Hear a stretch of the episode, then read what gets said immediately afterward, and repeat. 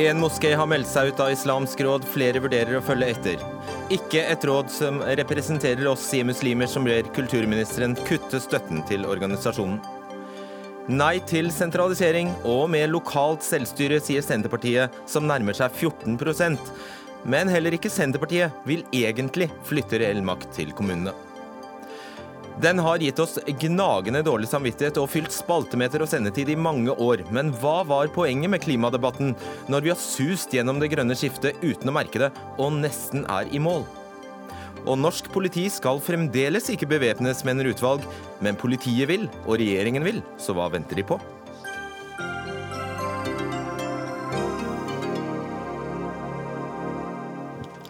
Dette er eh, Dagsnytt 18 på NRK P2 og NRK2. Mitt navn er Fredrik Solvang. Islamsk råds ansettelse av nikab-kledde Leila Hasic har skapt debatt i det muslimske miljøet. I går valgte Det islamske fellesskap Bosnia-Hercegovina, som er det største muslimske trossamfunnet i Norge, å melde seg ut av Islamsk råd, og flere moskeer vurderer nå å følge etter. En av rådets viktigste oppgaver er å skape samhold blant muslimer i Norge, og nå kan det virke som de har oppnådd det stikk motsatte. Nå skulle vi hatt generalsekretær i eh, Islamsk råd her, eh, Metab Afsar, til stede. Han, vi har en avtale med han, men han er altså beviselig ikke her. Så vi får håpe han uh, dukker opp. Asel uh, Manosheri, Manosheri. Du er generalsekretær i organisasjonen som kaller seg LIM, altså Likestilling, integrering og mangfold. Hvorfor representerer ikke Islamsk råd deg på en god nok måte? Uh, nei, først og fremst vil jeg jo si at det er en kvinne i nikab er ikke ansiktet for islam. Uh, så langt derifra du kan komme. Så jeg kjenner meg ikke igjen i det å være angivelig muslim. Og da også skal si at hun kan snakke på vegne av oss. Det kan hun ikke. Det er jo mange muslimske kvinner som går med nikab. Ja, Er det nå egentlig det? Ja, På verdensbasis er det i hvert fall det. Ja, men i Norge. Dette, denne organisasjonen representerer islam i Norge. Eh, og som vi ser nå, at én etter én så protesterer moskeen. Dette er ikke oss. Så er hun en eh, minoritet i det muslimske miljøet i ja, Norge? Ja, absolutt. Men eh, den minoriteten representerer ikke alle minoritetene. Jeg syns det er feil, feil signal å sende ut. Er det selve nikaben du har imot? Ja, absolutt. Hvorfor det? Nei, for nikab, altså Hvis den ansettelsen skal innebære brobygging, så lurer jeg på hvem de skal bygge bro med i forhold til nikab. Kan du ikke bygge bro med nikab? Jo, men ikke som en organisasjon som, eh, som, representerer islam, for hun representerer ikke islam. Hva representerer hun da? Nei, Hun representerer en salafistisk eh, versjon av islam som ikke er majoriteten av muslimer i Norge. Eh, hvis Leila Hasir skal sitte på et kontor, hvilket vi fikk bekreftet i går Hun skal sitte på et kontor og aldri vises utad og gjøre backoffice-oppgaver for, eh, for Metab Afsar. Eh, hva er da problemet? Nei, Jeg har ikke noe problem med at hun sitter på et kontor som ikke representerer Islam Norge. Men nå gjør hun ikke det. Nå skal hun sitte på et kontor som skal representere Islam Norge. Eh, og da mener jeg at den, det signalet som blir sendt ut fra Islamsk råd, er at vi har ansatt en kvinne i nikab som representerer muslimske kvinner. Og det gjør ikke hun. Ville det ikke vært diskriminerende å ikke ansette henne bare fordi hun hadde nikab? Jo, hvis bakgrunnen for ikke å ansette henne er nikab, så er det diskriminerende. Absolutt. Eh, hva mener du Islamsk råd Norge bør gjøre nå? Nei, Jeg, bør, jeg syns de bør gå i seg sjøl og tenke hvorfor har vi fått disse midlene. Og sånn som jeg har tolka kulturministeren, så er midlene gitt for å bygge bro, kommunikasjon. Eh, og der mener jeg at den ansettelsen og den, eh, den statusen vi leste i går, er ikke forenlig med stillingsbeskrivelsen. Bør hun få sparken? Eh, det skal Islamsk råd få lov til å svare for sjøl. Okay. Da var du på plass, Metab Afsar, generalsekretær i Islamsk eh, råd. Når medlemmer nå melder seg ut, og flere muslimer sier at de føler seg ikke representert av dere, hva gjør du da? For det første så har ikke vi fått noe utmelding eh, skriftlig. Eh, så derfor så tar vi og vurderer den, de, altså den saken om utmeldingen, eller eventuelle flere utmeldinger når de først får utmelding. Så det stemmer ikke at uh, islamske fellesskap Bosnia-Hercegovina har meldt seg ut? De har ikke offisielt tatt kontakt med oss. Så det er en sak som har florert i media, på Facebook. og ja, andre sosiale medier. Men vi som organisasjon er nødt til å forholde oss til når vi får en offisiell utmelding. Nei, men signalene tar du vel? signalene tar vi. Og så er det slik at Ja, Og hva gjør du med det? Ja, nettopp. Islamsk Norge er en frivillig organisasjon hvor uh, organisasjoner melder seg inn. Organisasjoner melder seg ut. All, akkurat som alle andre politiske partier, organisasjoner, så er Islamsk Råd Norge ikke et unntak. Vi kan ikke holde organisasjoner med tvang i organisasjonen. Det er slik at de fleste moskeene står faktisk utenfor Islamsk Råd Norge. Dere skal jo være en paraplyorganisasjon. Ja, ja, ja, og vi vil fortsatt være en paraplyorganisasjon. Dersom en eller to eller andre melder seg ut. Men det vil også si at ved neste rådsmøte, årsmøte, så vil flere melde seg inn. Hvordan kan du vite det? For vi har allerede søknader inne hvor flere moskeer har signalisert at de ønsker å bli medlemmer av Islamsk Råd Norge. Interessant. Basim Goslan, du er forstander i Rabita-moskeen. Og før vi kommer til hva dere akter å gjøre, du hadde møte med dette uh, det islamske fellesskap Bosnia-Hercegovina i går, hvis jeg forstår det rett. Kan du bekrefte eller avkrefte hva som er tilfellet her? De sier at de vil melde seg ut. Men eh, offisiell utmelding må jo komme etter generalforsamlingen, så akkurat nå har de tenkt å fryse medlemskapet sitt. Det har de sagt. Og, men selve utmeldingen kommer senere. Og hva gjør du da, Metta Bafsel? Det er ikke jeg som gjør noe, det er jo styret. syns du om det, Ja, det er styret og rådet som gjør det. Ja? Dersom en organisasjon melder seg ut, så må vi jo som en demokratisk organisasjon forholde oss til det og respektere det. Og rett og slett akseptere at en organisasjon melder seg ut. Også, vi jobber ikke med tvang, vi er mot tvang. Og ingen skal holdes inne i, i en paraplyorganisasjon dersom de ikke, ikke ønsker å være der. Da, var, du rister på hodet, Manusjeri.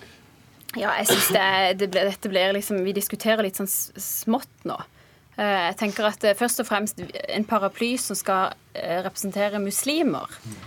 også de som ikke er medlemmer. Jeg er muslimer, ikke medlemmer av moské eller noen ting. Og det syns jeg det er litt sånn litt ironisk å si at ja, men det er ingen som har meldt seg ut, og vi, men, men det, vi er muslimer overalt. Og hvis denne ansettelsen med denne symbolikken dere har ansatt, eh, skal på en måte representere muslimer, så, så må jeg ta avstand og si at ja, men er ikke, dette er ikke islam for meg. Ja, men Du har din fulle rett til å ta avstand fra det. Og så er det slik at vi må også respektere et vedtak på årsmøtet gjort av unisont, altså flertall, med dissens fra én representant. Så var, gikk alle inn for å ansette denne kvinnen.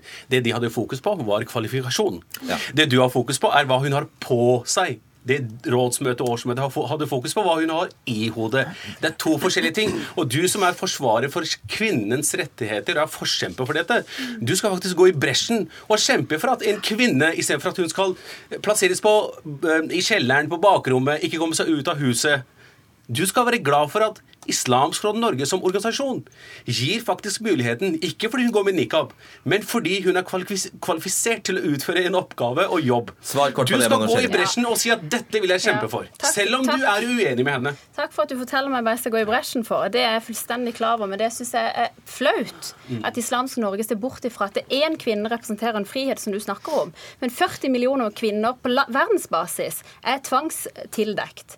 Og da tenker jeg Islams råd burde ta et lite standpunkt til det, da. Ja. Vent, vent, vent, vent litt med å svare jeg på kan det. svare på det. Ja, eh, samle det opp, så så tar vi det, fordi her kommer det mer. Her kommer det mer, ja. Gosland, eh, du har sammen med fem andre muslimske organisasjoner undertegnet et brev som uttrykker sterk bekymring over utviklingen i Islamsk råd Norge. Hva er dere så bekymret for? La meg først si at eh, det er ikke akkurat denne ansettelsen som har trigget bekymringen. Vi har vært lenge bekymret, frustrert, uenige. Vi har tatt opp uenighetene. Vi har diskutert dem, eh, tatt dem innenfra, utefra, fra alle kanter. Vi har prøvd å gjøre noe for å rette på tilstanden. Eh, Men det ser ut som om det er noen som velger én retning. Er bekymring, disse bekymringene du, da- du, du da snakker om, beslektet med den aller siste utviklingen her? Ikke akkurat, selv om de kan ha noe med det å gjøre. Da snakker vi om hva de har med hverandre å gjøre. Den, den, er at, den er at man ikke tar signalene hvordan storsamfunnet reagerer. Vi skal være brobygger mellom muslimer på den ene siden og storsamfunnet. Og så ignorerer vi helt hvordan storsamfunnet skal reagere. Vi skal ta hensyn bare til hvordan vi tenker. Og da tenkte vi at, Men som sagt, dette er ingen årsak for at vi har Nei, det forstår vi. at det, Dette var ikke den direkte foranledningen Nei, til dette, nettopp, eller denne nettopp, saken vi, vi, snakker om, var ikke direkte foranledning til dette Nei. brevet.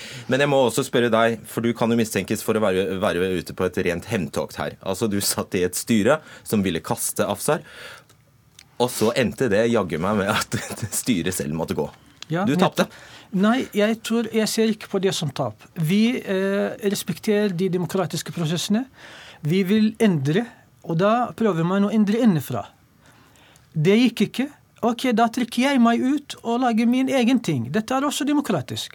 Det er som akkurat Mehtab sier, også ingen organisasjon tvinger folk til å være innenfra. Det er gjort det er frivillig. Så vi har prøvd. Den ene veien gikk ikke. Ok, da prøver vi noe annet. Sier du nå at du vil starte noe, en egen organ, en ny muslimsk eh, organisasjon? Tanken er der.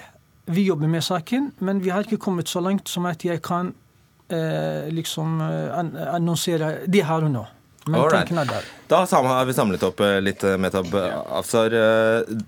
Det begge sier, er egentlig at du tar ikke signaler. Det er et grunnleggende problem. Fredrik, det er ikke meg. Det var det jeg hørte nå. Det er det rådsmedlemmene som Basim er en del av, rådsmøtet, det er de som bestemmer. Så må Basim forholde seg til demokratiske prinsipper. Vi bor i et land hvor demokratiet er det som er styrende for organisasjonsliv, politiske partier og andre prosesser videre. Vi lever ikke i et diktator hvor minoritetene, også, altså de som har få stemmer, ikke får vedtak for sine gjennom... At, at de da skal si at nå bestemmer vi. Det er slik at majoriteten bestemmer. Og majoritetene, majoritetsvedtak gjelder også i Islamsk Norge. Vi som muslimer og muslimske organisasjoner må også forholde oss til demokratiske spilleregler. Ja. Det er veldig viktig. Svar kort på det. Jeg er også helt enig, og jeg ligger ikke ved skyld på Mehtab f.eks., eller på noen som helst. Det har bare vært sånn at vi ble uenige. Vi prøvde. Det gikk ikke, og så da går vi en annen vei. Svar kort, på, ja, svar kort på en. Du, du, la ut en post på Facebook i går. Du sa 'Vår dumhet er fiendens sterkeste våpen'. Ja. Hmm, kryptisk, hva betyr det? det er ikke så kryptisk. Vi, gjør, vi tar ofte dumme valg når vi ikke fanger signaler som kommer fra alle kanter. Vi lever i vår egen boble, ikke sant? og vi tenker ikke bredt.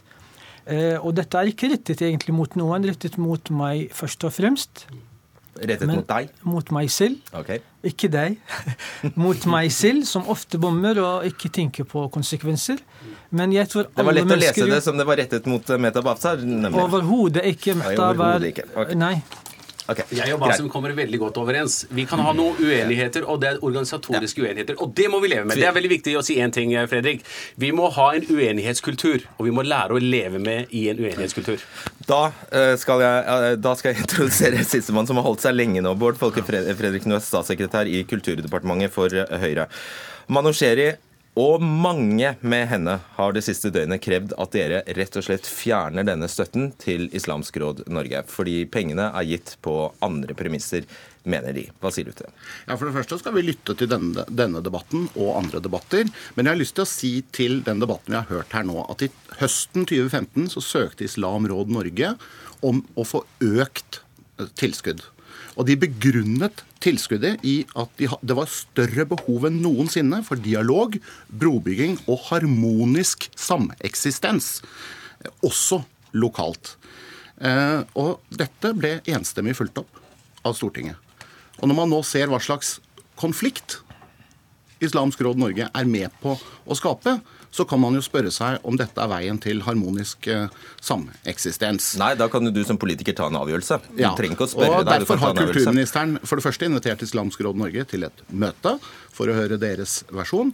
Og vi har også varslet at vi har gangsatt en gjennomgang for å se om Islamsk Råd Norge er i stand til å fylle vilkårene for bevilgningen, som er å være en brobygger og en dialogpartner for staten, for sivilsamfunnet, ja, og en paraplyorganisasjon for muslimske organisasjoner, når vi hører at mange faktisk nå forlater dem pga. den linjen de eh, har lagt seg på. Men det kan altså Folke Fredriksen, nærmest ikke sies, sies tydeligere. For, formålet med tilskuddet til Islamsk Råd Norge og da snakker vi om det tilskuddet som skulle gå til denne stillingen, er å legge til rette for at rådet kan ivareta sin rolle som paraplyorganisasjon for muslimer i Norge, fremme samhold blant muslimer og tilhørighet til det norske samfunnet. Når det viser seg at Leila Hasic skal sitte på et kontor og kun ha backoffice-funksjoner, er det dette du har gitt penger til?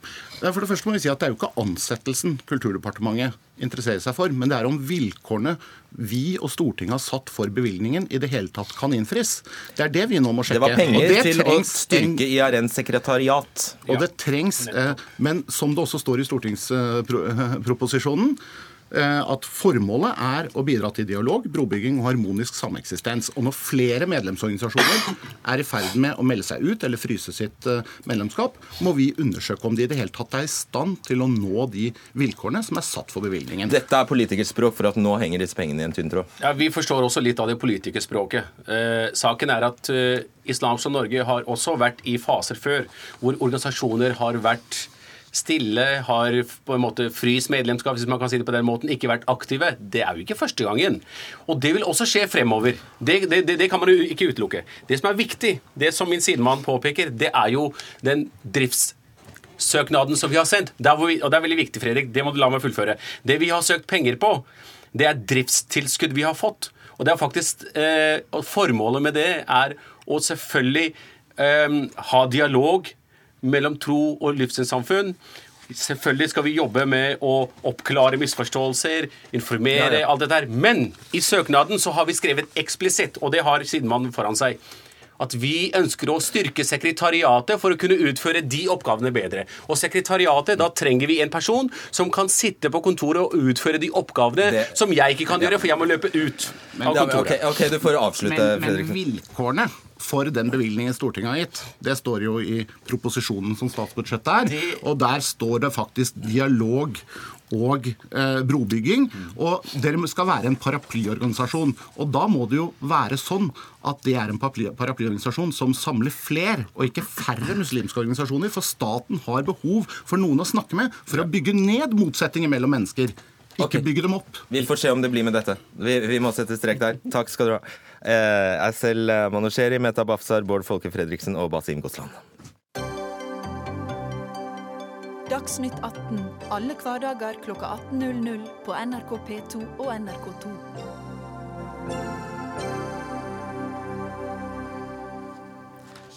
Senterpartiet har lagt bak seg et landsmøte der slagordet var 'Vi tror på hele Norge', og har seilt opp som publikumsfavoritt. På DNs partibarometer får partiet nesten 13% og er nå større enn Frp. Og på Stortinget bruker Senterpartiet fy-ordet sentralisering mer enn dobbelt så ofte som neste parti SV, ifølge nettstedet Holder i ord. I partiprogrammet har jeg telt opp at ordene kommuner og kommunal er nevnt 74 ganger, folkestyre 22 ganger, lokaldemokrati 6 ganger og selvstyre 2 ganger.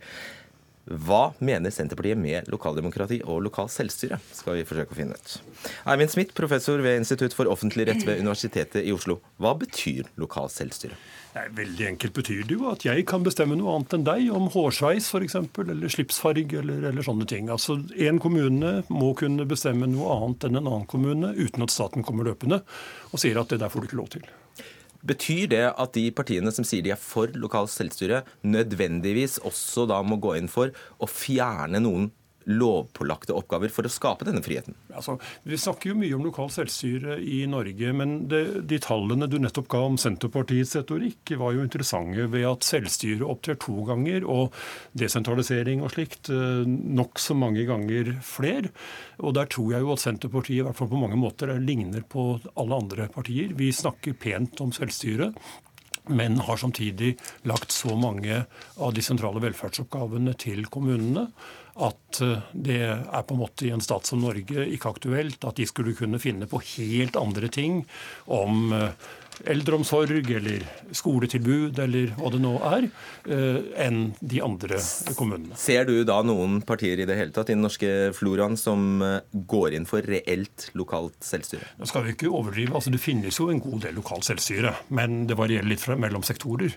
Men, men eh, hovedgrepet om å legge veldig svære oppgaver til kommunene later det til at det er nokså felles for alle kommuner. Jeg kjenner ingen partier i hvert fall som går inn for å redusere kommunenes oppgaver såpass mye at det som blir igjen, er noe kommunene selv kunne styre med sånn som de vil selv. Det kan hende Arnstad mener noe annet om det, men, men det er iallfall mitt inntrykk. Så her tror jeg det er et stort grad av fellesskap. Ålreit, Sigrid Stokstad, du er forsker på forholdet mellom nettopp stat og kommuner ved Høgskolen i Oslo og Akershus. Altså I noen land, la oss si Tyskland, som er en føderalstat, så har jo regionene veldig mye å si. Og så har du den andre, i den andre enden av skalaen kan du si at du har Frankrike, Sverige, Danmark. Hvordan stiller Norge seg? Ja, Norge er en typisk enhetsstat, altså ingen føderalstat med eh, veldig sterke regioner, regioner som kanskje har egen lovgivningsmyndighet. Vi er overhodet ikke der. Vi er en ganske tradisjonell enhetsstat. Eh, vi har eh, En sterk stat, altså. Ja. Og, og betyr det dermed også svak, Unnskyld. ja. Tanken om at eh, det er Stortinget som bestemmer i Norge, står sterkt. Betyr det, og det må nødvendigvis gå på bekostning av kommunene? Eller de andre forvaltningsnivåene vi har? Det er jo ingen land som greier seg uten flere forvaltningsnivåer. Og også med egen folkevalgt ledelse på nivåer under parlamentet. Eh, så Norge er jo ikke spesielt på den måten, men eh, norske kommuner har ganske mange oppgaver eh, og forvalter store deler av ressursene i Norge. Og, og er vil jeg si, en, en, variant av enhetsstaten som har overlatt nokså mye av oppgaveløsningen til det kommunale nivået. Hvilke fordeler har det da at eh, kommunene i Norge har så lite frihet? Ja, det gir, jo, eh, det gir jo de nasjonale myndighetene, særlig Stortinget og, og regjeringen, en mulighet til å styre ved å la kommunene gjennomføre sin politikk. Eh, mange er jo opptatt av at det sikrer likhet i hele landet når en kommer til velferdstjenester. Eh, det vil jo ha betydning når det gjelder eh, arealforvaltning, eh, transport og den slags, og, også næringsutvikling. For nasjonale myndigheter, Stortinget og regjeringen har jo interesser i, den, i, alle de retningene. Deler du Smiths oppfatning at det er egentlig ingen partier i Norge som går inn for reelt lokalt selvstyre? Jeg tror at den modellen vi har i Norge, med den fordelingen av oppgaver og, mellom stat og kommune, og og de rammene vi har for det kommunale selvstyret, er ganske stabile og, og har ganske stor konsensus i stort. Og så er det snakk om justeringer innenfor den rammen, og der kan det jo være diskusjoner. Hvorfor er det ingen som går inn for det motsatte? Bare si til kommunene lag skoler, gjør det som dere vil. Sørg for at de eldre har det bra, bare gjør det. Ja, Det er jo bl.a. fordi at noen skal jo da betale for det. Eh, og, og det er jo folk som vil dekke alle utgiftene uten å også kunne bestemme litt over innholdet. Um, en annen side av det er jo at uh, mange ser på det som effektivt at det er kommunene som gjennomfører uh, den nasjonale politikken. Uh, det er jo ikke bare bare å skulle sørge for helse og omsorg og alle de planvedtakene som skal tas hver dag i hele landet. Og det kan være hensiktsmessig også for det nasjonale nivået, at det er folkevalgte lokalt som gjør det. Mm. Smith, eh, vi har jo til dels bitte små kommuner i Norge. og Når de i tillegg da blir pålagt å være såkalte generalistkommuner, dvs. Si at de skal kunne å gjøre alt, eh, fører det, vil også det automatisk måtte føre til mindre selvstyre? Uh, nei, ikke automatisk. Og Det finnes jo måter å gripe an det der på med interkommunalitet. Men det er ikke sikkert at hver kommune trenger sin egen tannlege eller, eller spesialpedagog f.eks. Man kan jo gå sammen, og det er masse eksempler på, på, på, det. Så jeg tror at det som Sigrid Stokstad sier om at, om at uh, dette er en enhetsstat, hvor kommunene er utøvende organ for staten på veldig mange områder, legger grenser, ganske store grenser på hvor frie kommunene får lov til å være, eller kan få lov til å være. Vil vi virkelig gjøre noe med det, så kunne vi f.eks. flytte en del av disse oppgavene opp til eh, fungerende regioner, et mellomnivå. Og det vil jeg personlig synes være en ganske god idé. Men jeg har ikke hørt mange politiske partier mene at det er en god idé. Mm. Vil du eh, Ja, syns du det er en god idé? ja, jeg eh, jeg tenker vel at det er en god idé å å tenke nøye igjennom hvordan den oppgavefordelingen skal være. Og, og være bevisst. Og også betydningen av det å ha et lokalt eh, folkevalgt nivå som fungerer godt, og som oppleves som meningsfylt. Eh, det er en måte å trekke folket inn i eh, staten på som har sin egenverdi. Men det er ikke så mange som gidder å stemme ved kommunevalg, da? Nei, og det, altså det, det er jo en, altså Jeg er bekymret for demokratiet her. For det er nok ikke helt tilfeldig, tror jeg, at det er en markert lavere deltakelse i kommunevalg enn i, enn i stortingsvalg. Folk skjønner nok til en viss grad at eh, det er der makta ligger. Eh, og da kan man spørre i lengden, eh, hvis man har et lokalt folkevalgt nivå, og det mener jeg også at man skal ha, så gir ikke det mening hvis ikke det organet kan bestemme noe annet. En Frp-kommune for den saks skyld kan bestemme noe annet enn en Arbeiderpartikommune, og der er grensene relativt snevre i dag. Da har vi den opptakten vi trenger. Takk skal dere ha. Marit Arnstad, du er parlamentarisk leder i Senterpartiet. Har Senterpartiet noen gang gått inn for å fjerne lovpålagte oppgaver dere på Stortinget altså har pålagt kommunene, for å gi kommunene kommunene denne friheten? Nei, vet du, på den korte tida siden jeg vært invitert til å komme hit i dag, så har jeg ikke funnet noen lovpålagte oppgaver som vi har foreslått å fjerne. Eh, men det er jo sånn at vi har foreslått å desentralisere oppgaver til kommunene. Og vi har også foreslått, vi er også veldig forsiktige når det gjelder spørsmål om å legge, pålegge kommunene øre, altså øremerka mm, oppgaver eller, eller, bemanningsnormer eller den type ting, fordi det reduserer den kommunale handlefriheten og det lokale selvstyret. Men desentralisering av oppgavene vil jo nettopp gjøre dette verre, for da bare dytter du enda flere oppgaver ned. Jo, men altså, jeg ser ikke på en, sånn, på en sånn måte. Jeg tror det har vært fornuftig både for kommuner og fylker om du har fått desentralisert flere oppgaver, og at oppgaveløsninga har skjedd, skjedd nærmere folk. Altså, for å ta et eksempel, da, så syns jeg at både på rehabilitering eh, etter sykdom, så er det en sånn oppgave som kan løses lokalt. fordi at det vil være, helt, det vil være veldig forskjellig hva folk trenger. Både hvor langvarig de trenger, hvor mye de trenger, og hvordan de skal trenge det. Og det føyer seg godt sammen med kommunehelsetjenesten, og burde ses i sammenheng med kommunenes øvrige oppgaver. For eksempel, som et eksempel. Helge André Njåstad, leder i kommunalkomiteen for eh, Frp.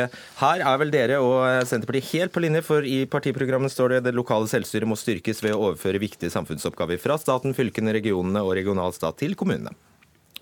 På linje i hva vi skriver, men ikke i praktisk politikk. Eh, for, for, for, for vi skriver det, og vi mener noe med det. Vi ønsker å gi tillit til lokaldemokratiet. Innenfor arealpolitikken f.eks. For så foreslår vi at alle kommuner skal få lov å bestemme mer. Eh, men hva skjedde når det kom til Stortinget? Nei, Da sa Senterpartiet, Arbeiderpartiet og de andre nei takk. Vi stoler ikke på egne ordførere engang. Så Stortinget må ha et spesielt vern over arealpolitikken òg.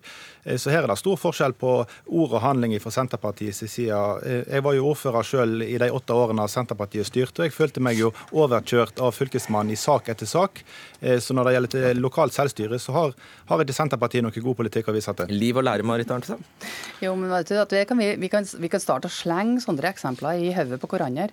Eh, altså, jeg kan vise til at Fylkesmannen i Sør-Trøndelag nettopp har eh, hindra spredt boligbygging i Selbu, eller at de nekter snøscooterløyper i Tydalen. Altså, jeg kan si sånne ting. Så vi kan slå hverandre i hodet på det. Mitt poeng er at, at jeg mener det som er det fundamentale, og som jeg tror kanskje at Frp og Senterpartiet også er litt enig i, det er at innenfor de lov og forskrift altså Kommunene må styres gjennom lov og forskrift. Og du kan ikke styre kommunene gjennom forventninger eller forventningspress. Det, altså da måte går du løs på det kommunale sjølstyret. Og så må du gi kommunene et sjølstendig ansvar for å organisere oppgaveløsninga si. Jeg mener Det er jo et tidenes dårligste eksempel når at Frp ville statliggjøre eldreomsorgen og skulle lage et forsøksprosjekt på det nå, som ble så rigid og så dyrt at ingen kommuner ville ha deltatt i det. Ja, det, det er mye bedre at kommunene løser eldreomsorgen i kommunal regi, der de kjenner behovene og der de kan ta høyde for ulike behov og mangfold. Er du f.eks. klar til å erklære dette forsøket med statlig eldreomsorg for en flopp? Nei, overhodet ikke. Det er jo en suksess fordi at man nettopp gir penger til hver enkelt eldre som trenger behov for eldreomsorg. Eh, og når det kommer til eldreomsorg, så er det så viktig for oss at eh, da mener vi ikke at det skal være så stort lokalt selvstyre at kommunene kan saldere med eh, å gi dårlige tjenester. fordi at da skal innbyggerne i Norge være trygge på at de skal ha likeverdige tjenester. Og da skal vi tildele pengene til de eldre, og ikke til kommunene som de kan bruke de som de vil. Hva er prinsippet da, egentlig? Prinsippet da er at eh, når det kommer til de primære viktige tjenestene for innbyggerne, så skal de være trygge på at de får de uansett hva kommunestyret de har valgt. Eh, men når det kommer til arealpolitikk og til skjenkepolitikk og en del sånne typer spørsmål, så skal det bety noe om man stemmer Fremskrittspartiet eller stemmer SV. Men vi vil ikke akseptere at man har stemt et feil kommunestyre, så skal ikke eldre få den eldreomsorgen som de fortjener. De pengene skal komme direkte fra staten. Det eneste du skal risikere hvis du eh, velger feil kommunestyre, er at du ikke får kjøpt øl. For eksempel, men eh, jeg er jo nå i Bodø, så der risikerer Der stemte man jo feil, og nå får man regning på, på 20 000 i, i, året på eiendomsskatt, f.eks. Eh, og det er jo en forskjell som, som, viser at det betyr jo veldig mye hva parti man stemmer lokalt i dag, så lokalt selvstyre har vi. Eh, fordi at man ser jo nå etter valget forrige høst at det kan gå virkelig galt innenfor eiendomsskatten, f.eks. hvis man stemmer for masse rød-grønt. Ok, Arnsa, du, du, sa i sted at det som kjennetegner Senterpartiets politikk på dette området, er da at dere, dere ikke er veldig begeistret for norm, statlige normer. at, altså at man skal si at så og så mange sykepleiere eller, eller hjelpepleiere må det være på det sykehjemmet der. Men så fant jeg her dere ville ha en minstenorm for helsesøstertjenesten om en helsesøster per 300 elev i grunnskolen, 550 i ungdomsskolen og 800 i videregående. Dere ja, holder på med dette her. Ja da, jeg skal ikke eh, underslå at dette er også et vanskelig dilemma for oss, sjøl om vi prøver så godt vi kan og på en måte være forsiktige når det gjelder å pålegge kommunene den type innramminger. Men, men vi òg har Det er utfordrende balansegang, det er det. Men jeg mener at vi som sitter på Stortinget må være veldig forsiktige og prøve å unngå det, at det, det blir for mye av det. fordi at det som da skjer, er jo at kommunene ikke får noen handlefrihet til å faktisk løse de brede velferdsoppgavene på en best mulig måte. Så det prinsippet må ligge i bunnen. Selv om jeg gjerne erkjenner at i programbehandling så hender det også at vi får et punkt som ikke helt samsvarer med prinsippet. Og til slutt, eh, Njåstad. Det mest paradoksale her er vel kanskje at uh, når dere i Frp snakker om selvstyre, så går dere samtidig i neste verv inn for å slå sammen kommunene med tvang. Jo, men Det handler jo om at vi kan eh, gi enda flere oppgaver til kommunene hvis vi har eh, færre kommuner i Norge. I dag har vi 426, og det er for mange til å kunne gi dem flere oppgaver. Vi er allerede i god gang, og i løpet av neste uke kommer det forslag om å gi kommunene flere oppgaver. Så denne regjeringen leverer på de feltene som Senterpartiet gjerne skulle ønsket å levert på, mens de ikke gjorde. Jeg syns kommunereformen er så slett eksempel på et forsøk på et statlig overstyring og tvang fra regjeringspartienes side. Det er altså brukt mange, mange millioner kroner på lokale prosesser prosesser på kommunestyrevedtak, på lokale folkeavstemninger. Og, og, og, nesten 100 kommuner slår seg sammen frivillig. Og så slår han en strek over det for en Nei. rekke av kommunene og tvinger dem sammen. Nei. Det syns jeg er så respektløst. Nesten 100 kommuner slår ja. seg sammen frivillig. Vi gjorde et forsøk på å forklare hva lokalt selvstyre betyr på norsk. Takk skal dere ha for den oppklaringen. Eivind Smith var her, han har gått nå. Sigrid Stoksa, Marit Arnstad og Helge André Njåstad.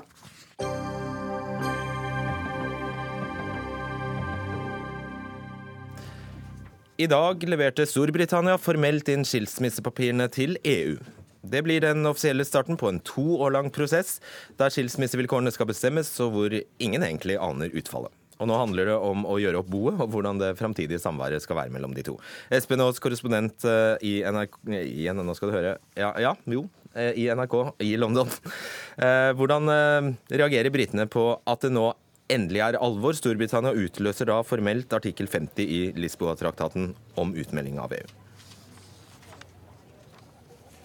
Det er jo en dag som mange har gått og ventet på, omtrent halvparten av britene. Mens den andre halvparten har jo egentlig håpet at denne dagen ikke skulle kommet. Men eh, de avisene som eh, ropte mot oss fra avisstativene i dag, de handlet om eh, endelig, farvel EU, nå eh, er det endelig oss, osv. Så, um, så de eh, viste åpenbart stor glede over at dagen var kommet. Folk jeg har snakket med i dag også, som for så vidt også var delt, uttrykker at det har tatt ni måneder og vel så det siden folkeavstemningen. Ingen har merket noe til noe. Nå er iallfall begynnelsen på slutten. Men uh, som du sier, det er jo også en slutt som ingen vet hvordan skal se ut. Forhandlingene kommer til å ta lang tid. De kommer ikke til å begynne skikkelig før eh, man er ferdig med valgene både i Tyskland og Frankrike. Og det blir nok mange stopp underveis hvor det vil komme til å handle om uh, krise og uro over veien videre. Hva er forventningene, egentlig? Når du snakker med folk, en jeg snakket med i dag, hans største forventning var at det skulle bli kortere køer på sykehus, lettere å komme seg til legen fordi eh, han var så uh, urolig over alle østeuropeiske innvandrere som gikk så mye til uh, legen. Andre er veldig opptatt av å få tilbake landet. Jeg snakket med en, en kvinne tidlig i 30-årene. Det var hennes store sak. Følelsen av at Storbritannia bestemte over seg selv, hadde sine egne lover, at ingen skulle komme fra verken Brussel, Strasbourg eller noe annet sted og fortelle Storbritannia hva det kunne gjøre og ikke gjøre. Ehm, og så er det jo selvfølgelig store spørsmål om økonomien. Vil det bli bedre? Vil det bli dårligere? Vil det være vanskeligere å være brite på kontinentet etter bruddet med EU? Vil det være vanskeligere å være EU-borger bosatt i Storbritannia? Så veldig mange spørsmål og svar som forhåpentligvis kommer litt etter litt. Ulf Sverdrup, du er direktør ved Norsk utenrikspolitisk institutt. Når vi nå har hørt hva britene forventer, eh, hva sier de i EU? I dag så går jo forhandlingene, eller brexit, over en ny fase. fra nå av så blir det mye diskusjon om hva EU vil, og hva disse forhandlingene skal føre til. EU eh, har egentlig sagt at to ting. Det første er at man må skille mellom det som skal være vilkårene for utredelse av EU, og det andre er hvilken type avtaler man skal ha med Storbritannia i fremtiden. Og at disse skal holdes litt mer atskilt. Eh, når det gjelder det første, vilkårene for utredelse, så er jo mange ting, men de to aller viktigste er for det første rettighetene til EU-borgere i Storbritannia. Ivareta de, og samtidig ivareta britenes rettigheter i EU-land. Det ene er spørsmålet. Det andre er økonomiske ting. En del økonomiske forpliktelser som britene har påtatt seg som EU-medlemmer. Og, og det, de forpliktelsene mener man at britene skal stå ved. Og det beløper seg til nesten 60 milliarder euro. Ja, det er mye penger. Eh, og når du nevner disse eh, EU-borgerne i Storbritannia, så utgjør de faktisk 2,8 millioner. Og, det er om lag 1 million briter i EU, så det er mange mennesker. Eh, hva er det EU allerede nå, hva er det vi vet EU allerede nå absolutt ikke kommer til å akseptere? Ja, altså, det, vet vi jo ikke så mye, for EU har egentlig ikke sagt stort, da. Det som EU har sagt, eller det vi kan tenke oss EU vil si, er for det første at vi kan, skal ikke lage en avtale med Storbritannia som svekker EU, eller som undergraver EU i fremtiden. Så det er en veldig viktig ting. Uh, så uh, det, Hvordan skal man tolke det, da? Nei, så Det peker på uh, i retning av at britene ikke kan velge å f.eks. ha fri, full deltakelse i indre marked, men ikke fri bevegelse av personer, f.eks. Ehm, eh, så, eh, så, det er den ene siden. Ellers så er jo EU opptatt av at dette skal være en frivillig prosess. Dette skal forsøke at det skal være en konstruktiv og ryddig forhandlingsprosess. Men som sagt så ønsker de å skille disse forhandlingene. Først forhandle om uttredelse, deretter den avtalen. Og så I tillegg så er en ramme her om at det må gjøres på kort tid, innen to år. Ja, ikke sant? Og Da har altså statsminister May eh, Espen Aas sagt at hun, hun, heller vil gå ut av dette uten en avtale enn en dårlig avtale. Hvor realistisk er det? Det handlet vel eh, aller mest både å komme med en liten trussel om at disse forhandlingene helst burde gå bra, eh, men også en slags beroligelse om at hun og hennes team kom til å jobbe så hardt som overhodet mulig for å få til en god avtale. Mange husker kanskje David Cameron da han forsøkte seg for et drøyt år siden å reforhandle den eksisterende avtalen Storbritannia hadde med EU. Han kom tilbake og var fornøyd med den selv, og var sågar den eneste som viste noe særlig begeistring over den, og fikk mye kritikk eh, mot seg. Jeg skulle like å se Storbritannia bryte fullstendig med EU og dermed inngå tariffavtaler eh, fastsatt av Verdens handelsorganisasjon, som ville gjøre det veldig vanskelig for Storbritannia å navigere.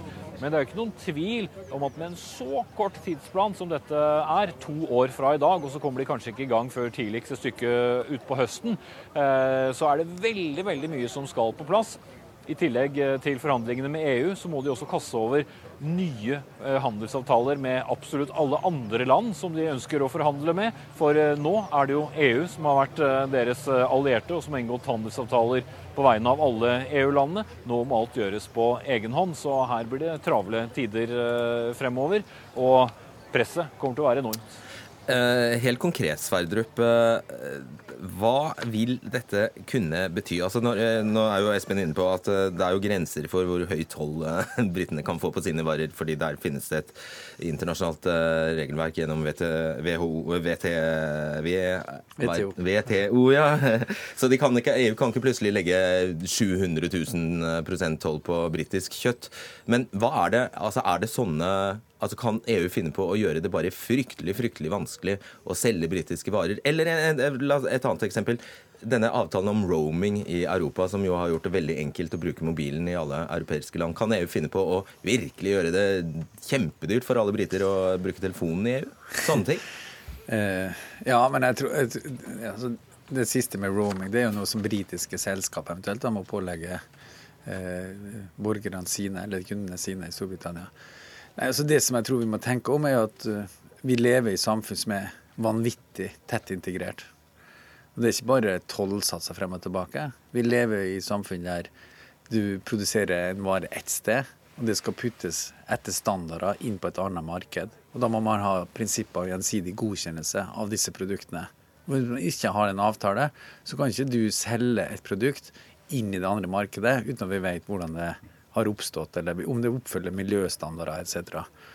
Så, så det er veldig mange ting som er, er satt sammen. Så jeg tror nesten det er ikke mulig å forestille seg at vi skal drive handel uten noen form for avtale. Eh, så eh, så sånn sett så er jo konsekvensene helt enorm hvis det ender med en, det verste av alle, alle, mulige ting her. En, altså ingen avtale? Ja, ingen avtale. Det er veldig vanskelig å forestille seg. Da vil jo operatørene i markedet posisjonere seg raskt og flytte lokalisasjon for sine aktiviteter, og, og, og relokalisere seg til, til EU f.eks. Dette skal vi snakke mye om. Takk skal dere ha, Ulf Sverdrup og Espen Aas.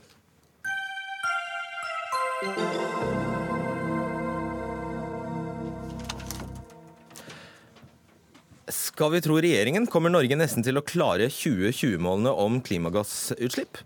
Så godt som umerkelig, smertefritt og teknologisk har vi sust gjennom det grønne skiftet. Så glem all dårlig samvittighet om den neste weekendturen til London. Du trenger ikke begynne å bruke brukttøy, og vi i Dagsnytt 18 trenger jo heller ikke å ha en klimadebatt annenhver dag. For Norge vil ifølge Erna Solberg bare mangle fattige to millioner tonn CO2-ekvivalenter på å nå målet som er på 48,6 millioner tonn, i 2020. Er det ikke sånn, Tina Bru, stortingsrepresentant for Høyre? Jo, i dag har vi jo fått uh, veldig veldig hyggelige tall. Men det er jo ikke sånn at dette ikke har vært uh, eller at det har vært helt smertefritt. Altså Dette har jo krevd en betydelig innsats fra regjeringen og samarbeidspartiene. Jeg har ikke merket så veldig mye til det, og Nei, men så heller. Det viser at man trenger ikke alltid bruke pisk for å få det til. Det handler også om å ha virkemidler som treffer på en måte som bare gir insentiv til å velge miljøvennlig, f.eks.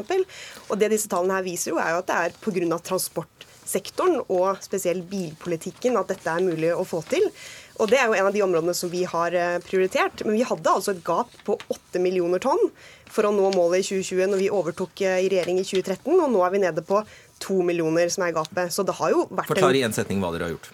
Vi har trappet opp klimapolitikken, rett og slett. Vi har økt innsatsen. Vi har vridd avgiftssystemet på bil, ikke minst. Vi har videreført elbilpolitikken og masse andre tiltak. Dette vet du, du har jo klimadebatter hele tiden.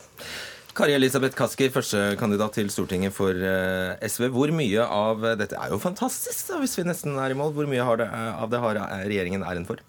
Nei, altså Det som har skjedd i dag, er to ting. Det ene er at eh, regjeringa og samarbeidspartiene har holdt en pressekonferanse fordi man har fått noen nye prognoser. Eh, prognosene for eh, klimautslippene gikk jo opp og ned når vi også satt i regjering, men vi hadde aldri pressekonferanser. Vi var mer opptatt av tiltakene og hvordan utslippene faktisk utvikla seg. Eh, og det andre som har skjedd, er at de har feira at vi nå kan eh, skrote klimamålet for 2020. De har feira at vi ikke når når klimaforliket, og at vi kommer til å ligge høyere enn det Stortinget vedtok i 2020. Hvor mye bommer de med? Ja, dette er jo, her er det jo mange tall ute, ute, og går. Men tallene er altså at vi ligger med tre millioner tonn over det målet som vi egentlig har vedtatt at vi skal ha i 2020. Det er peanuts, da. Nei, Jeg mener jo ikke at det er peanuts. Det tilsvarer 1,5 millioner biler på norske veier. Så dette er store tall. Eh, og de har altså ikke lagt fram noen nye tiltak i dag for hvordan de skal kutte utslippene framover. Ålreit. Eh, Tina Bru, klimaforliket i 2008 sa at Norge skulle kutte 30 eh, innen 2020 ut fra 1990-nivå, hvilket vil si at vi i 2020 skal være om lag på 35 millioner tonn CO2-ekvivalenter. Det betyr at vi jo mangler 16 millioner tonn. Ja, Det har jo vært eh, krevende å nå dette målet. Det er derfor vi også måtte trappe opp politikken når vi overtok regjeringen, og prøve å jobbe hardere for å komme på vei. Og Nå har vi også nye klimamål frem mot 2030. Hvor har de 35 Men, tonnene blitt, da? Nei, Det er jo en kjempeprosess å få dette til, men det viktige nå er jo tross alt det at det vi har manglet i norsk klimapolitikk, er jo et system som skiller mellom hvor kommer de 48 mi- kvotepliktig sektor og ikke-kvotepliktig sektor. Ok, ja, der er vi inne på det. Ja. Hvor kommer dette tallet 48 millioner tonn fra, plutselig? Nei, Det handler jo om at det, det har vært krevende å få til utslippsreduksjoner innenfor f.eks. olje- og gassektoren, fordi eh, det har vært et bredt flertall på Stortinget for å åpne nye oljefelt bl.a., som har gjort at det har vært mer krevende å nå det målet man satte seg. Men vi kommer til å Så dere har bare kutt lagd et nytt mål? Nei, man har ikke gjort det. fordi Det som har vært ekstremt viktig, er at man faktisk har fått en klimapolitikk i Norge som nå skiller mellom kvotepliktig og ikke-kvotepliktig sektor. Det har man ikke hatt før. og Derfor har også disse målene på en måte vært litt sånn uspesifisert på hva man skal gjøre hvor, og hva man skal gjøre i Norge, hva man kan være med på å gjøre ute. Men nå får vi det inn i en bedre ramme, og det vil bli enklere nå å måle fremover. Stortinget sa at vi skulle kutte 15-17 millioner tonn innenlands innen 2020. Gjør vi det? Nei, jeg tror ikke vi kommer til å klare å nå akkurat det, men det viktige er jo at vi nå faktisk får Vi er ikke i nærheten av det, skal vi men for tre år på rad da, så har faktisk utslippene i ikke-kvotepliktig sektor innenlands i Norge gått ned. Det er et taktskifte. Det klarte ikke den rød-grønne regjeringen å levere. Ikke med 15-17 millioner tonn, som Stortinget sa. Nei, det er betydelig vanskelig å nå disse målene, men vi må òg faktisk ta høyde for at dette er ikke et, en, et eh, norgesmesterskap, dette er en global dugnad. Så det vi har gjort her, er å kjøpe oss ut. Ja, eh, og regjeringa skryter jo av delinga mellom kvotepliktig og ikke-kvotepliktig sektor. Jeg er opptatt av hva er Norges utslipp. Vi vet at alle land må nærme seg nullutslipp de neste ti årene. og Da er det ganske viktig om utslippene går opp eller ned. Og utslippene har gått opp denne regjeringsperioden. Det kommer man ikke bort ifra. Og Det er lett å sitte og skylde på den rød-grønne regjeringa, men klimaforliket ble vedtatt i 2012. Dagens regjering tok over i 2013, og siden har utslippene gått opp. Så tenker jeg at det er viktig at vi snakker også hvilke tiltak er det vi nå skal gjennomføre for å faktisk kutte utslipp framover. Og det trengs jo nå. Eh, Dagens regjering bruker å si at de ikke kom til dekka bord. Vel, vi kommer til å ta over makta til høsten med en utslippsvekst. Og Skal jeg, fortelle, ja, da skal bare fortelle en liten sak ja, det er greit. Jeg skal bare fortelle en liten sak som eh, må være pinlig for dere. På landsmøtet nå nettopp så eh, vedtok dere i løpet av kommende stortingsperiode skal de norske klimagassutslippene kuttes med minst 3 millioner tonn CO2-ekvivalenter sammenlignet med utslippene i 2016. Ja. Og så kommer de med disse tallene her som viser at vi er forbi det. Nei, og dette sa jo også Erna Solberg, og det er jo veldig hyggelig at hun har fått med seg vårt klimamål som vi satt på landsmøtet. Men la meg ta én ting først. Vi vet ikke fortsatt utslippene for 2016. Det kommer først i mai. Så da må vi se på hva de utslippene er. Men det Erna Solberg la til grunn i dag, det var prognoser. Og hun får mye drahjelp. Det er ikke sant nå så jeg det var akkurat lagt ut tabellen som ligger til grunnlag for den prognosen, som viser minimal nedgang i veitrafikken. Men der du ser utslippskutt, er jo i, eh, i energisektoren, der pga. Mongstad sin nedleggelse. Og jeg tviler jo på at dagens regjering har tenkt å ta æra for at Mongstad legges ned.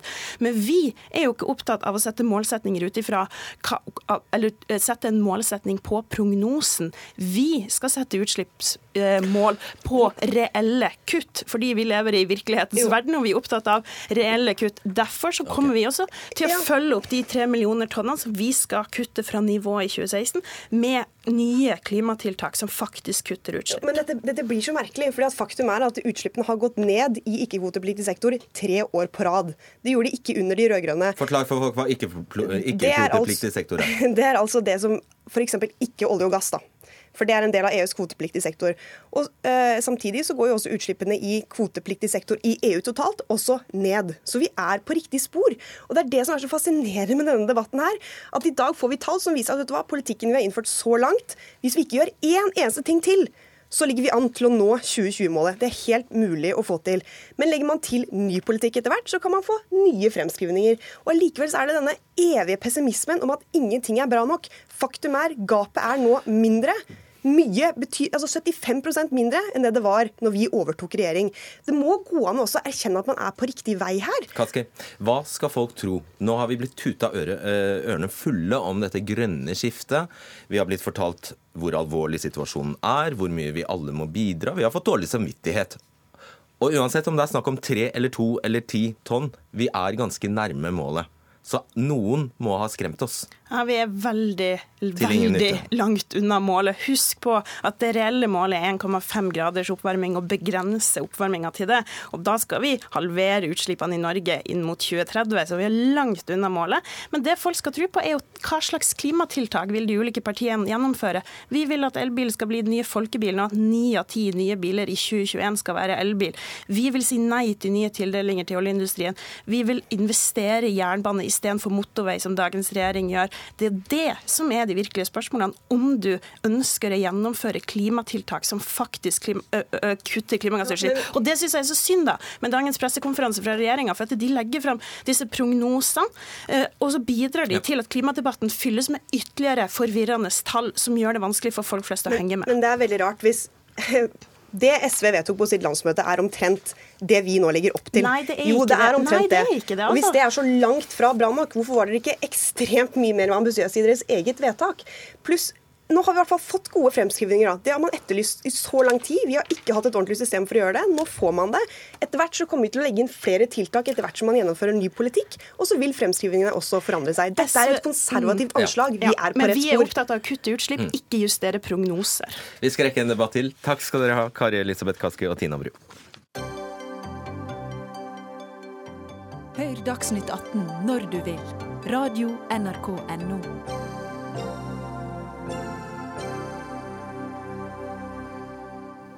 Og den skal handle om bevæpning. For det norske politiet bør holde fast ved sine tradisjoner, er konklusjonen fra det regjeringsoppnevnte bevæpningsutvalget. Og dette er en av grunnene til at de mener at norsk politi fortsatt skal være ubevæpnet. Tradisjoner er vel og bra, men i en stadig skiftende verden og et nytt trusselbilde som har eh, kommet de siste årene, har vi råd til å høre på dem? Og har vi råd til, å holde på disse tradisjonene? Anne Kari Lande Hasle, du er tidligere departementsråd i Helse- og omsorgsdepartementet. Har ledet dette utvalget, som altså har vurdert konsekvensene av generell bevæpning, bevæpning av politiet. Hvorfor går dere inn for fortsatt ubevæpnet politi i Norge? Det gjør vi fordi vi har en god modell i Norge. Vi har et fantastisk politi. Og vi har lange tradisjoner for å opptre ubevæpnet og løse oppgavene våre uten skytevåpen. Vi gjør det også fordi vi tror at tilliten mellom politi og publikum blir bedre, og det har også politiet glede av. Taler du på vegne av et enstemmig eh, bevæpningsutvalg? Eh, Vi er seks, eller var seks, og én eh, i utvalget er enig i veldig mye av våre vurderinger, men har dissentert på et punkt, nemlig eh, bevæpning. Og går da for en bevæpningsmodell med uladd våpen på kropp. Nettopp. Når du nå vektlegger verdier og tradisjoner, at dette har fungert greit til nå, har dere da Altså, ingen vet hva som skjer i morgen. Men det vi vet, er at uh, dagens trusler kan være helt annerledes enn morgendagens. Har dere tatt inn over dere at terrortrusselen mot Norge kan bli helt annerledes? Ja, det er jo dette vi har jobbet mye med. Utviklingen både av kriminaliteten og terrorbildet. Eh, Så har vi et system med en våpeninstruks som gjør at man i løpet av ett sekund kan bevæpne politiet. Slik at den trusselvurderingen som til enhver tid måtte foreligge fra PST, er jo det som vil være grunnlaget for å ta opp spørsmålet om bevæpning. Og nettopp fordi vi har en slik modell som det vi har, så har vi lett tilgang på våpen. Politiet er trenet til å håndtere det. Og derfor så vil jo også den fremtidige trusselbildet eh, skal vi også leve med. Og når du sier ett sekund, så regner jeg med det var ment i overført betydning. Ikke så langt Ja. unna. Nei, ikke? Kjetil Stormark, du er frilansjournalist og driver nettstedet aldrimer.no. Du mener at å holde på disse tradisjonene med tilbakeholdenhet, eh, så viser man at man ikke har tatt inn over seg realiteten i dagens trusselbilde. Hvordan kan du vite det? Ja, vi vet ganske mye om det når vi ser på eh, de terrorangrepene som har vært i Europa eh, de siste månedene. Så eh, skjer de eh, og skaper veldig stor skade i løpet av meget kort tid. Eh, angrep i London, eh, der eh, en terrorist eh, meiet ned forsvarsløse mennesker på eh, fortauet og, og da prøvde å, å spurte inn og, og drepte da en politimann på vei inn i parlamentet i England, så var det angrepet over min, i løpet av si, under 90 sekunder. Det tar mer tid å bevæpne seg enn ett sekund, som utvalgslederen sier. Jeg er veldig positiv til at man går inn for å begynne å teste ut elektrosjokkvåpen. Men det er nødvendig å minne om det politifolk sjøl forteller om. At det er økende, et økende trusselbilde òg i hverdagen knytta til andre situasjoner enn, enn, eh, og terror. Eh, og hvor det er en økende frekvens av farlige situasjoner, spesielt i store politidistrikt, hvor politifolk føler på den, det ubehaget eh, knytta til at situasjoner fort kan komme ut av kontroll. Og det vil nødvendigvis måtte ta noe tid når man ikke har våpen på kroppen, for å da eh, hente våpen og, og da mm. kunne bevæpne seg. Eh, og tid er en kritisk faktor ikke bare terror, ved terroraksjoner, men, men, ved annen politiinnsats i tillegg. Og sånn at Det er viktig å ta på alvor de veldig tydelige signalene som kommer fra, fra deler av politiet. Eh, og kanskje burde man se på, på en skalert okay. eh, håndtering av dette, og ikke bare en, sånn generell bevæpning. Eh, det er andre nyanserte modeller som man kan vurdere. Ja, Vil du svare på det?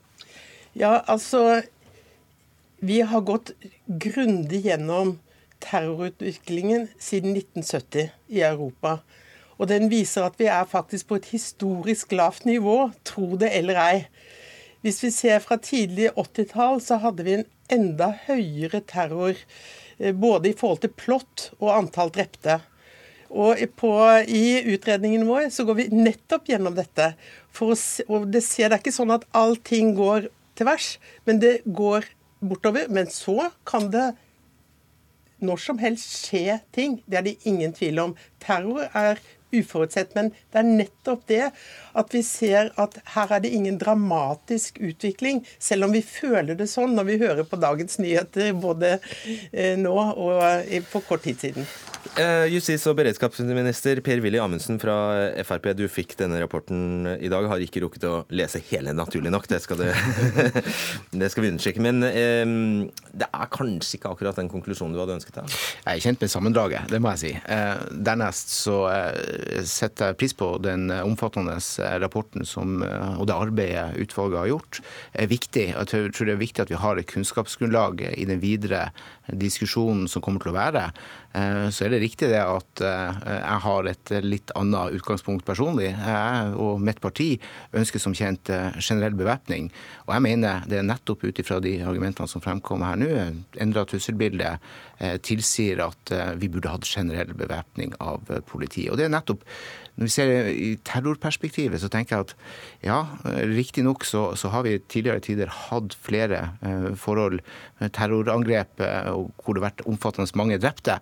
Men vi er i en ny situasjon med den type skal vi si, myke mål som angripes nå, av relativt eh, enkle virkemidler, altså bil, kniv, eh, og som, eh, som, gjør det desto viktigere at politiet kan agere raskt. Altså, dere skriver jo også at bevæpning kan være med å begrense denne typen handlinger i Norge. Hvorfor, ta, hvorfor skal man ta denne risikoen, da? Dette må jo avveies mot hva blir hva er konsekvensene med et politi med våpen.